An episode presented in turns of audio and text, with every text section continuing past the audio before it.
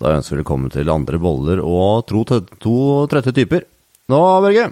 Jeg spurte ja. akkurat om har du noe på hjertet i dag, Du sa nei, i dag er det ganske tomt i hodet, altså. Så jeg tenkte at eh, to trøtte typer må vel klare å finne på noe interessant å prate om i dag òg?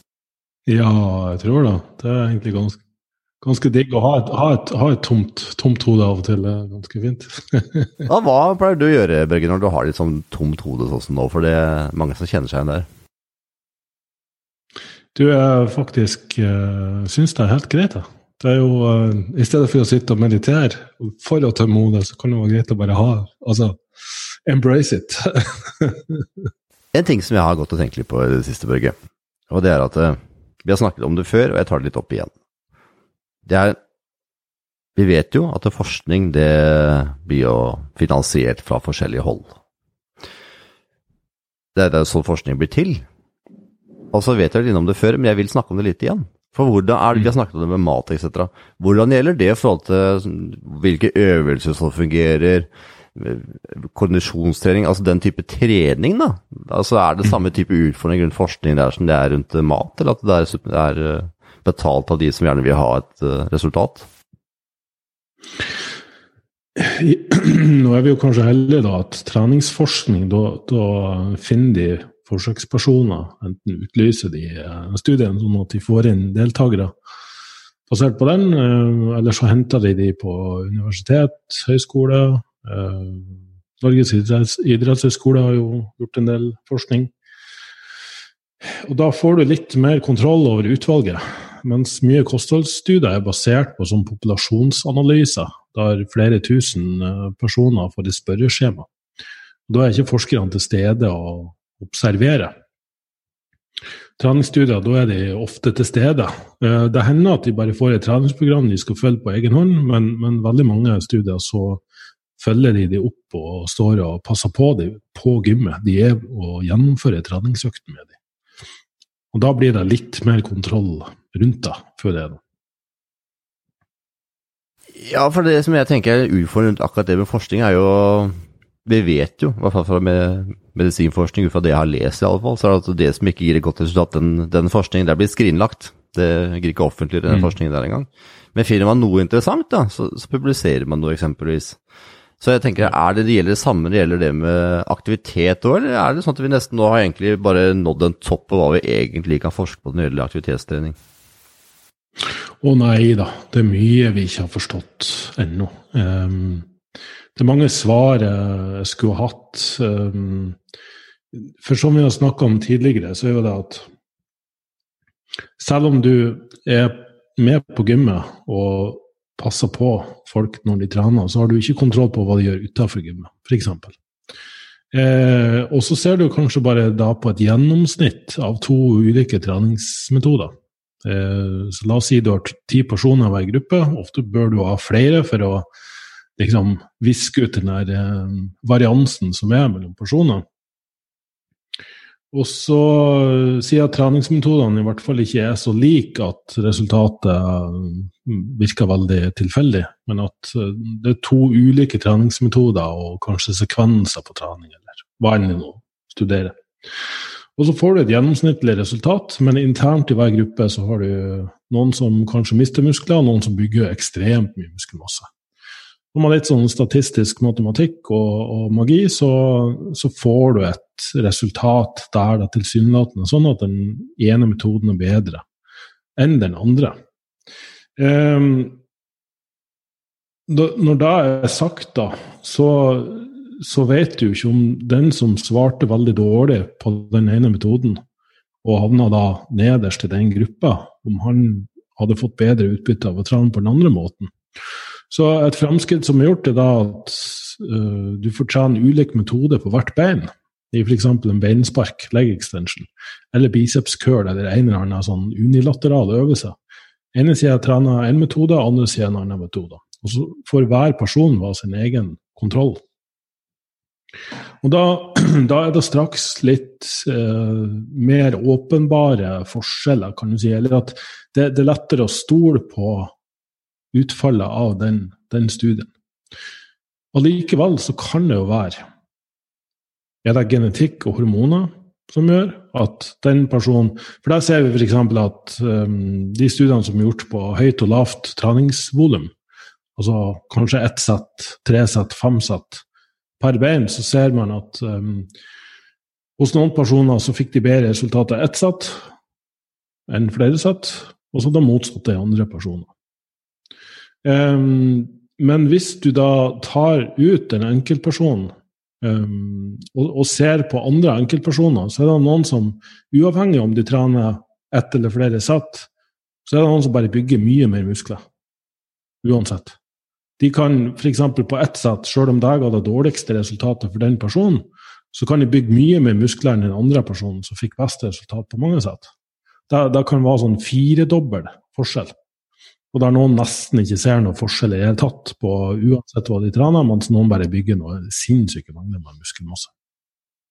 Det er ekstremt store forskjeller, og derfor kan vi jo også si at mange treningsstudier som er gjort i tidligere år, der du plasserer noen personer i en gruppe og andre personer i andre grupper, så, så kan det hos hver enkelt person være så store forskjeller at det ikke nødvendigvis treningsmetoden, men det er genetikk og hormoner som, som spiller en større rolle. Og bare for å fullføre denne, for jeg kommer jo fra det perspektivet at la oss prøve å få ut det aller beste av hver enkelt person. Kan det være en kode vi kan knekke på den personen, ikke bare med trening, men kan det være at hvis vi endrer på kostholdet, sørger for at han spiser mer, reduserer stressnivået sitt, eh, får på plass mange av de miljøfaktorene da, som legger til rette de aller beste forholdene for akkurat den personen. Kanskje de kan gå fra å være en sånn såkalt low eller no responder til å være en i hvert fall få et middels godt resultat. Er det noen øvelser man kan gjøre for å nettopp øke testosteronproduksjonen, Børge Fest? Det er jo det er jo flere over i 70-80-årsalderen, ikke mange av dem, over 70-årsalderen i hvert fall, som er i utrolig god fysisk form og har syrlig muskulatur. Og jeg regner med at alle de bruker testosterontilskudd. Så er det, er det, noe man kan gjøre for å øke testosteronproduksjonen? Er det noen øvelser eller lignende som man kan gjøre det med? Det er et uh, komplisert, komplekst spørsmål. Så la meg gi litt nyanse på det. Og det her gjelder for øvrig også kvinner, og deres anabole hormoner er østrogen, da. Men generelt på hormonbalanse. Det kan se ut som da å gjøre større øvelser, dvs. Si knebøy, markløft, benkpress, altså de store baseløftene, gir en høyere hormonproduksjon. Med det forbehold at det ikke blir for tøft for akkurat den personen. Det vil si, hvis det her er en utrent person, så kan den påkjenninga ved å trene La oss si at du får et baseløftprogram med fem sett per øvelse. Så kan det være så tøft at de første dagene etter den treningsøkta så er hormonproduksjonen lavere. Men også en person som har begynt å få et lite treningsgrunnlag, så kan det da se ut som at hvis du trener altså en større andel av kroppen. Så f.eks. helkroppstrening kan i visse studier gi bedre testosteronrespons enn splitt. Nettopp fordi du trener en større andel av kroppen. Men her er en sånn viktig, viktig ting å ha i bakhodet. da. For, for der handler det mye om stress og restitusjon. Og, og en riktig dose stress, po, la oss kalle det positivt stress, kan gi en anabol hormonprofil. Det vil si at du har lavere kortisol, som er stresshormon. Adrenalin er også stresshormon. Og en høyere anabol hormonprofil, dvs. Si at testosteron eller østrogen hos kvinner er høyere enn kortisol, relativt sett. Og her ser det ut til at det har vært innom den studien tidligere som ble gjort eh, for mange år siden, der eh, de som trivdes med treningsprotokollen, de som likte å trene f.eks. høyreps eller lavreps, eller eh, andre studier har også sett på øvelser og, og eh, altså Hvis de fikk velge øvelser sjøl, så hadde de bedre hormonprofil enn hvis de ble fastlåst i et program som de kanskje ikke likte så godt. Så, så, det er som sagt mye mer komplekst, og som jeg har forsøkt å få flere kunder til å, til å forstå. Da. Jeg legger merke til at mange snakker om kroppen som en, som en ting, som et objekt som skal lystre. Som hodet prøver å fortelle kroppen hva den skal gjøre, men kroppen vil ikke gjøre som, som jeg vil. Skjønner du? Det er sånn enormt paradoks da, at ok, men ser du ikke at hodet faktisk sitter på toppen av skuldrene og er kobla sammen med halsen? Så hode og kropp er det samme. Det er du. Hele, hele greia er liksom du. Så, så da at du har det bra i, i, toppen av hodet, i toppen av kroppen, vil jo sannsynligvis forplante seg videre nedover i kroppen. Sånn at de kjertlene som produserer stresshormoner og anabole hormoner, også har bedre forutsetning for å gjøre nettopp det. Vi snakker om det at kroppen, eller hodet sitter på toppen av kroppen, Børge. Har du satt deg inn særlig inn i bakgrunnen til hva han gjorde, selveste Rudolf Steiner, eller? Eh, det har jeg ikke gjort. Vi har jo vært interessert i den steinerskolen, og vurdert den, selvfølgelig. Eh, men gjerne fortell, for du har sannsynligvis Nei, jeg vet hva, jeg har akkurat begynt å bli litt nysgjerrig på Rudolf Steiner, for han står jo egentlig bak så utrolig mye. Det var ikke bare at han var eh, dyktig person når det gjelder det med, det med utdanning, men han var jo veldig god når det gjaldt jordbruk, han var god når det gjaldt oppfinnelser, han var god når det gjaldt eh, det med psykologi, eksempel, og menneskelig helhet. da. Og så var han også ganske bevandra ut i det spirituelle. Så det som er interessant med han, det virker som at han på mange måter ganske lik det han godeste Å, hva heter han? Ikke Freud, men andre. Så så jeg for meg. Hva heter han, Børge? Han som er personlighetstyper. Han heter så mye som um, Ja. hva heter han? Å, ah, herregud. Um, du som eh, sitter og lytter nå og vet navnet, så Ja. Ja, Hvis det er han. vet noe om det, send, send det til oss. Det er han. Ja, det er han. Ja, det virker som han er ganske lik, og det som jeg syns er interessant med det, virker som at på starten av 1900-tallet så var man veldig sånn helhetlighetstenkende, virker det som. At de prøvde liksom å implementere kanskje det jeg kaller det for åndelig, jeg mener, jeg mener ikke det alternative, sånn som man kanskje, kanskje tenker, men de tenker kanskje der, man, hva trodde man på, hva man har forhold til verdier osv., og, så videre, og så dro man det sammen med, med mat og kosthold, trening osv. Så, videre. så det virker som at de hadde en helt annen måte å se det på, denne helheten, og det er veldig interessant. At vi nå mm. egentlig er liksom på vei 100 år tilbake. det er ja. de på en måte de vi i dag leser mye om, og som tenker oi, de var langt framme. De tenker egentlig sånn som vi er på vei til å begynne å tenke igjen. Det er veldig interessant. Jeg har akkurat begynt på Rudolf Steiner, og han er jo Det er jo 400 bøker, så jeg husker riktig, som liksom er skrevet om enten hans foredrag eller det han selv har skrevet. Han var en ekstremt uh, driftig mann når det gjelder å skrive bøker og så videre. Ja, det må jeg si er imponerende. Ja, så For deg som hører på, så anbefaler jeg deg å sjekke ut Rudolf Steiner og han godeste som står helt stille for maken det gjelder personlighetstyper. Det er det mye å lære på. Når det gjelder det med kroppstrening, Børge, er det noen av disse gode gamle som vi, fra starten av 1900-tallet som var gode på det, eller? Har vi noen kjente personer ja, det? Ja, og det interessante er jo at da å trene hele kroppen hver økt var jo mer vanlig eh, fra 1920-1930-tallet opp til kanskje 1960, 1970 til og med. Ja. Det var det mange som trente hele kroppen. Helkroppsøkter var liksom mer, mer, vanlig. Det var selvfølgelig noen unntak, og noen som lekte seg litt med forskjellige splitter og sånn, men, men, det var ganske sånn Carl Jung! Carl Jung! Typisk. Carl Jung. Ah, ja, du på det. Ja, Jung. Ja, ja, ja. Jung. Yes, stemmer. Beklager, Børge. Ja. Du juksa ikke, du bare, du bare kom. Ja. Begynte å snakke om noe annet. Ja. Den er ganske klassisk. Ja, fin. Ja, Unnskyld at jeg brøt. ja. ja. Nei, men eh, det, det stemmer, da. Det har, det har, alltid vært mer vanlig. Og det er jo noe som jeg sjøl også går tilbake til, i hvert fall i visse perioder. Så kommer det kanskje til et punkt der jeg ønsker å ha litt kortere økter og fordele belastninga litt på ulike muskelgrupper. Så det er jo så mange der ute som er på jakt etter den perfekte splitten, og da argumenteres hardt for det ene over det andre, men, men igjen, det, det aller meste koker jo ned til personlige preferanser. Ja, og når det gjelder personlige preferanser og genetikk, er noe jeg syns er veldig interessant om dagen. Vi har vært inne litt før, og det gjelder det med stramt tungebånd. For jeg ser nå min uh, eldste sønn, er da seks år, har begynt med bryting. Han er som sin far ganske stiv, og I starten så var det utrolig vanskelig for han å skulle stupe kråke. Altså, vi, vi, er sånn natur bare veldig stive. Så vi begynte for første dagen han begynte på bryting, så startet vi med å tøye ut. Han klarte jo ikke å bøye seg ned og ta fingrene i gulvet, ikke sant? Med strake bein. Det var jo helt umulig. Så for hver kveld, hver dag han skulle legge seg, så tøyde vi ut tre-fire-fem minutter. Så det var gøy, da. Var, men ja. da ble det til slutt Pappa, vi har glemt å tøye ut i dag. Hvis jeg mot formodende ikke hadde lyst til å tøye ut, så da passa han på at vi gjorde det.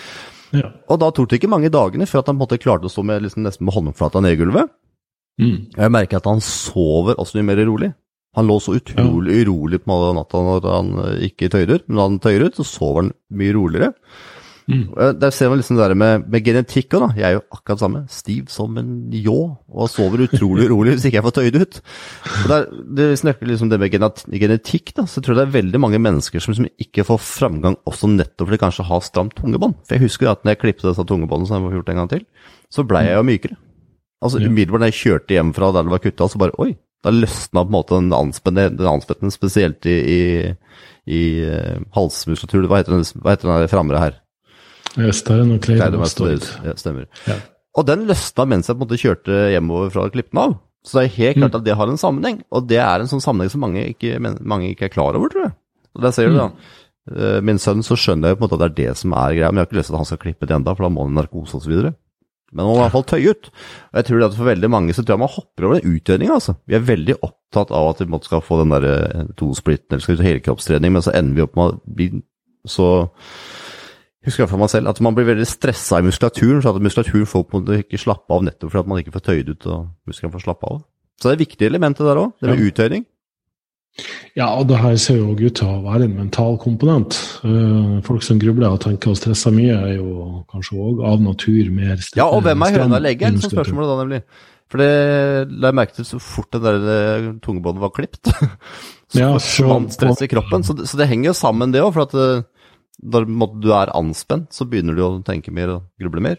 Og når du er avslappa, så tenker du ikke så mye. Det der Frank, er nok en uh, sammenheng som svært mange uh, forskerpersoner der ute sitter og er veldig kritiske til. Det finnes det ikke noe forskning på. Sånn, men, Nei, men det du gjerne. Det er fra egen erfaring jeg snakker om. Men, men, men, det er jo som det er. Jeg har jo også et veldig stramt tungebånd og har jo ikke kommet så langt at jeg har fått gjort det som du har anbefalt. Og, jeg skal gjøre det en gang til, Bøger så kan vi gjøre det sammen. Ja, Eh, og, og, jeg har jo òg en muskulatur som alltid har vært veldig sånn stiv og stram. Så, så ja, det kan jo være en sammenheng. Men det er klart, jeg ser jo òg sammenhengen med at jeg grubler og tenker og styrer veldig mye. Ja, men de stopper, skjønner du. Det her kan, ikke, kan, ikke si, kan ikke si at jeg kan ikke si at det kommer lenger ned i spagaten etter at jeg har meditert. Så, så, så, igjen, det er litt vanskelig å men, men det her vet vi jo at hvis du f.eks. gir uh, mennesker en, en um, spinalbedøvelse, så er det for de fleste mulig å ta beina helt ut i spagat. Så, sånn at det er jo nevral, eh, nevralt styrt. Det er ikke muskelen som er for kort. det er rett og slett. Og Sånn kan selvfølgelig det være tilfellet, men hos de aller fleste så ser det ut som om muskellengden er der, men det er den nervestyrte reguleringa av Ja, men det, jeg, tror, jeg tror på det.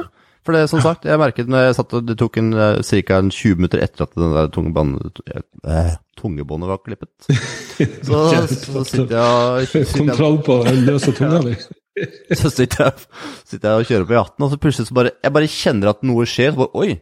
Og så skulle jeg gå på trening, og så merker jeg jeg har veldig problemer med å ha en rett holdning nettopp fordi den stadion drar seg veldig mye framover.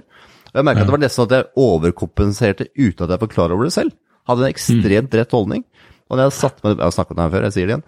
Jeg satte meg på kvelden, og plutselig så var den der grubbete hjernen min bare helt tom. Ja. Og jeg la merke til i det øyeblikket det tok et par ukers tid, når det på en måte begynte å stramme seg til igjen, for da begynte grublinga igjen. Ja, så de forskerne som hører på må Det var ikke bare bedøvelsen som Nei, det var ikke Så forskerne som hører på, må gjerne være uenig. Men fra min egen erfaring så merker jeg at det var en årsak hos meg. Jeg tenker at Forskning handler egentlig om, om hypoteser og motbevise noe, i hvert fall min tanke om forskning. Så da må noen forske ja, på å stramme tungebånd. Forskning går jo også ut på å bruke objektive data for å tolke subjektive oppfatninger. ja, det syns jeg er litt utfordrende der òg. Så, så, det er litt sånn at man trenger ikke å man trenger ikke å, å, å sette det her sånn på spissen bestandig. Det blir gjerne sånn at man skal avfeie enkeltpersoner sine opplevelser fordi forskning. Sant? Det er en sånn typisk respons, sånn knee-jerk, som vi kaller det. Sånn ja, det er litt sånn at Når man vet at det 50% av alle studier ikke kan replikeres, så blir jeg litt sånn ja, da får du ja, nesten tenke på det òg. Men det er veldig Ja, og det interessant. har jo vært, det har jo vært et battlefield holdt på å si, å, å navigere seg gjennom helt siden jeg begynte å bli interessert i KSL-trening, at det er jo så mye tilsynelatende, da, vil jeg si, motstridende informasjon. Nettopp fordi studiet utføres av ulike personer. Det er bias, dvs. si at noen forskere subjektivt ønsker å vise fram noe. Ja, noen bevisst går jo inn for å endre på data for å få det til å se penere ut.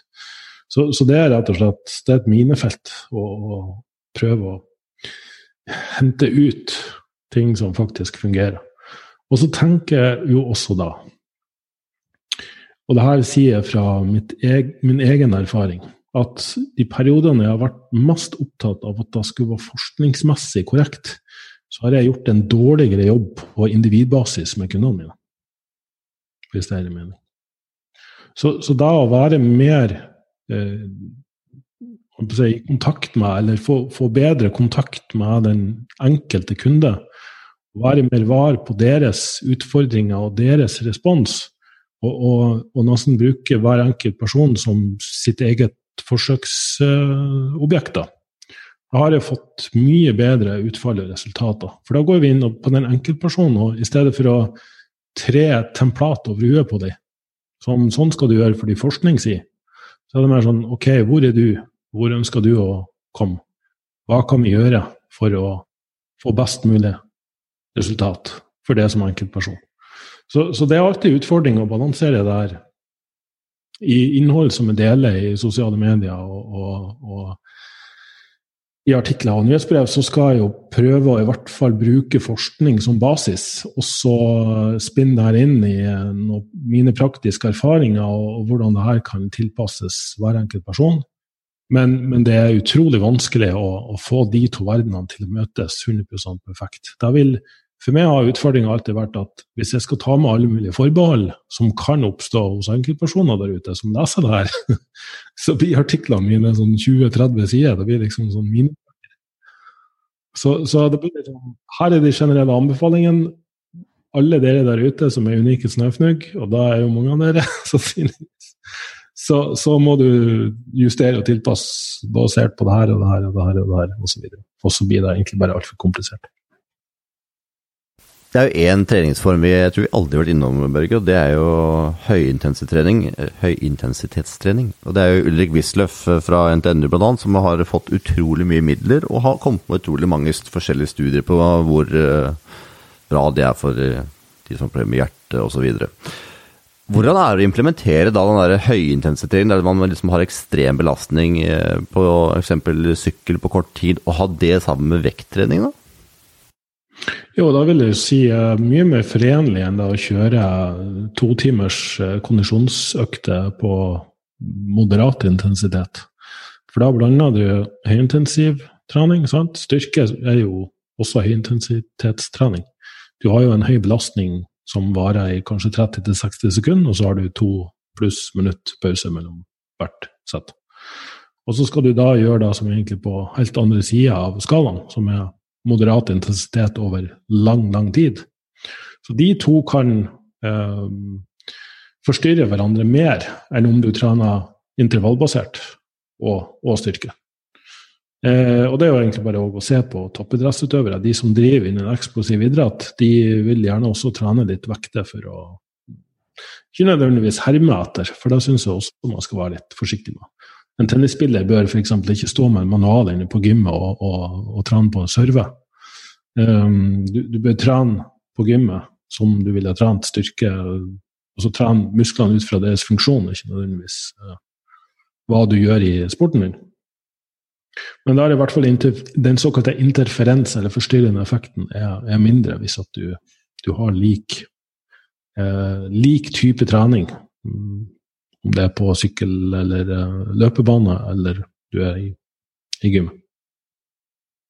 Vet man hva f.eks. sånn som mennesker som har litt problemer med hukommelse, f.eks. Vi vet jo han som fra boka Spark, så vet du f.eks. at eh, barn og de som studerer, de presterer bedre hvis de har hatt fysisk aktivitet i forkant.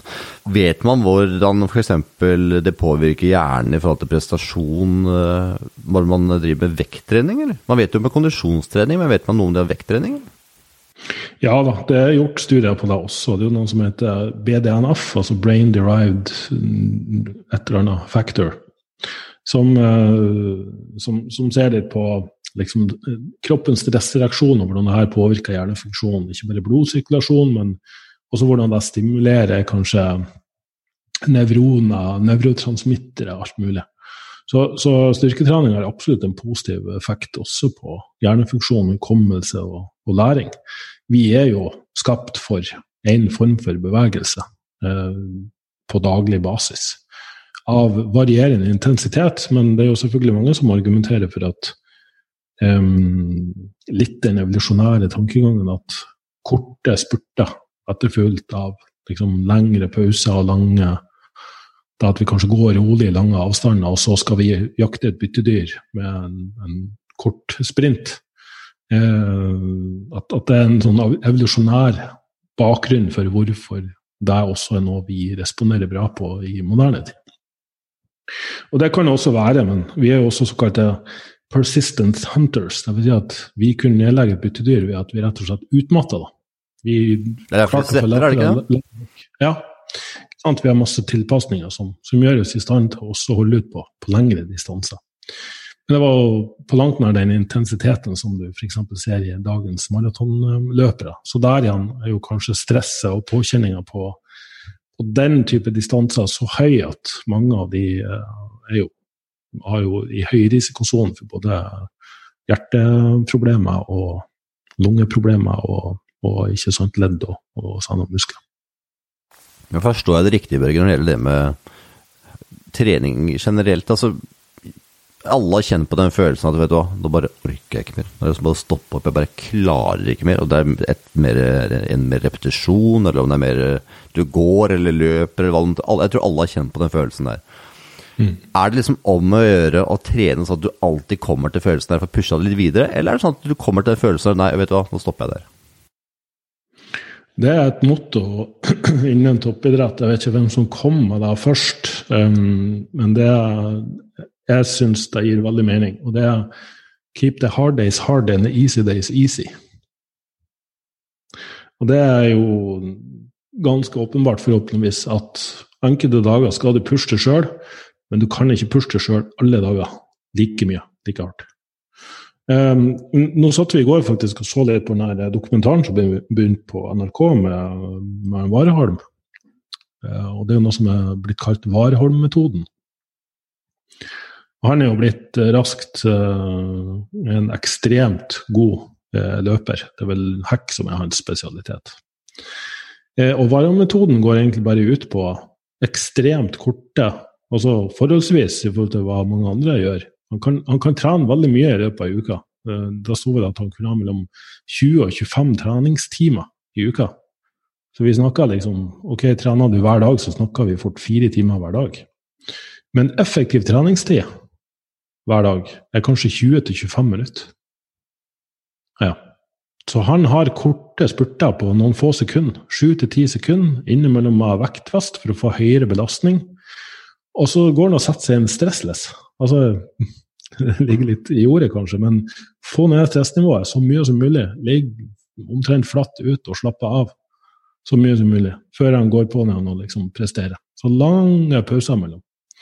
Og det har i hvert fall bygd han, men det er jo selvfølgelig for den distansen òg. Så, så, igjen, det kommer jo an på Kroppen er jo så fantastisk at den gir deg det du ber om, på mange måter. Hvis du klarer å balansere treningsstress og restitusjon. Det gir jo veldig mening i forhold til han I dag er jeg veldig dårlig på navn, altså. Men det var jo en uh, svensk uh, forsker og professor som var professor i Florida. Han gikk bort for litt siden, og det er han som står bak den 10 000-timersregelen. Uh, da ble den 10 000-timersregelen tatt litt ut av kontekst, for han sa ikke at det kreves 10 000 timer, men han sa at det kan være gjennomsnitt for de som måtte ønske å prestere. Det som var poenget i forskningen, forskningen hans, mm. det var at man måtte gjøre ting med en veldig høy grad av eh, konsentrasjon. Altså Det spilte ikke så veldig stor rolle om du på en måte hadde ti timer trening og du på en måte ikke gikk 100% inn i den øvelsen. Mm. Og Det virker som at det er det Vareholm gjør der, at han på en måte går 100% inn i øvelsen i de sekundene, og så slapper han av, og så gjør han det samme igjen. Deliberate mm. training, eller deliberate set, eller hva, det nå enn måtte, hva man kalte det for. Det var i hvert fall det som var poenget, og jeg tror det er veldig mange som går på trening, de kaster opp og ned på vekten, og så setter de fra seg, det vært treningsøkta, f.eks. Uh, Ja, og så kanskje de, de dagene der kroppen faktisk sier fra at nå bør du ta det litt med ro, så, så går de allikevel inn og pusher seg, og klarer ikke å pushe nettopp fordi kroppen er sliten. Så, så, så der også tenker jeg det, det er veldig lurt å, å, å kjenne når at Altså hvis du drar på gymmet bare for å komme deg gjennom treninga for å ha god samvittighet, for at du skal da kunne gå hjem og spise godteri eller ekstra kalorier, så, så kommer du nok fort inn i en sånn ond sirkel. Så, så hvis da å ta en ekstra hviledag gjør at du kan komme tilbake på gymmet og være i stand til å gi mye mer, så, så tror jeg du får mye større utbytte totalt sett enn, enn om du bare pusher deg sjøl til å dra på gymmet når du egentlig ikke har lyst. Jeg syns to trøtte typer fant eh, mye å prate med i dag, Børge.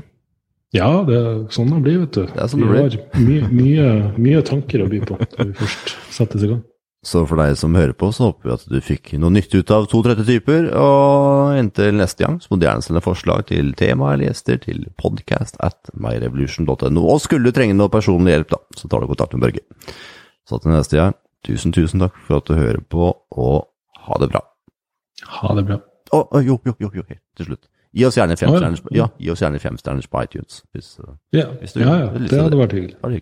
ha det bra. Mm. Ha det.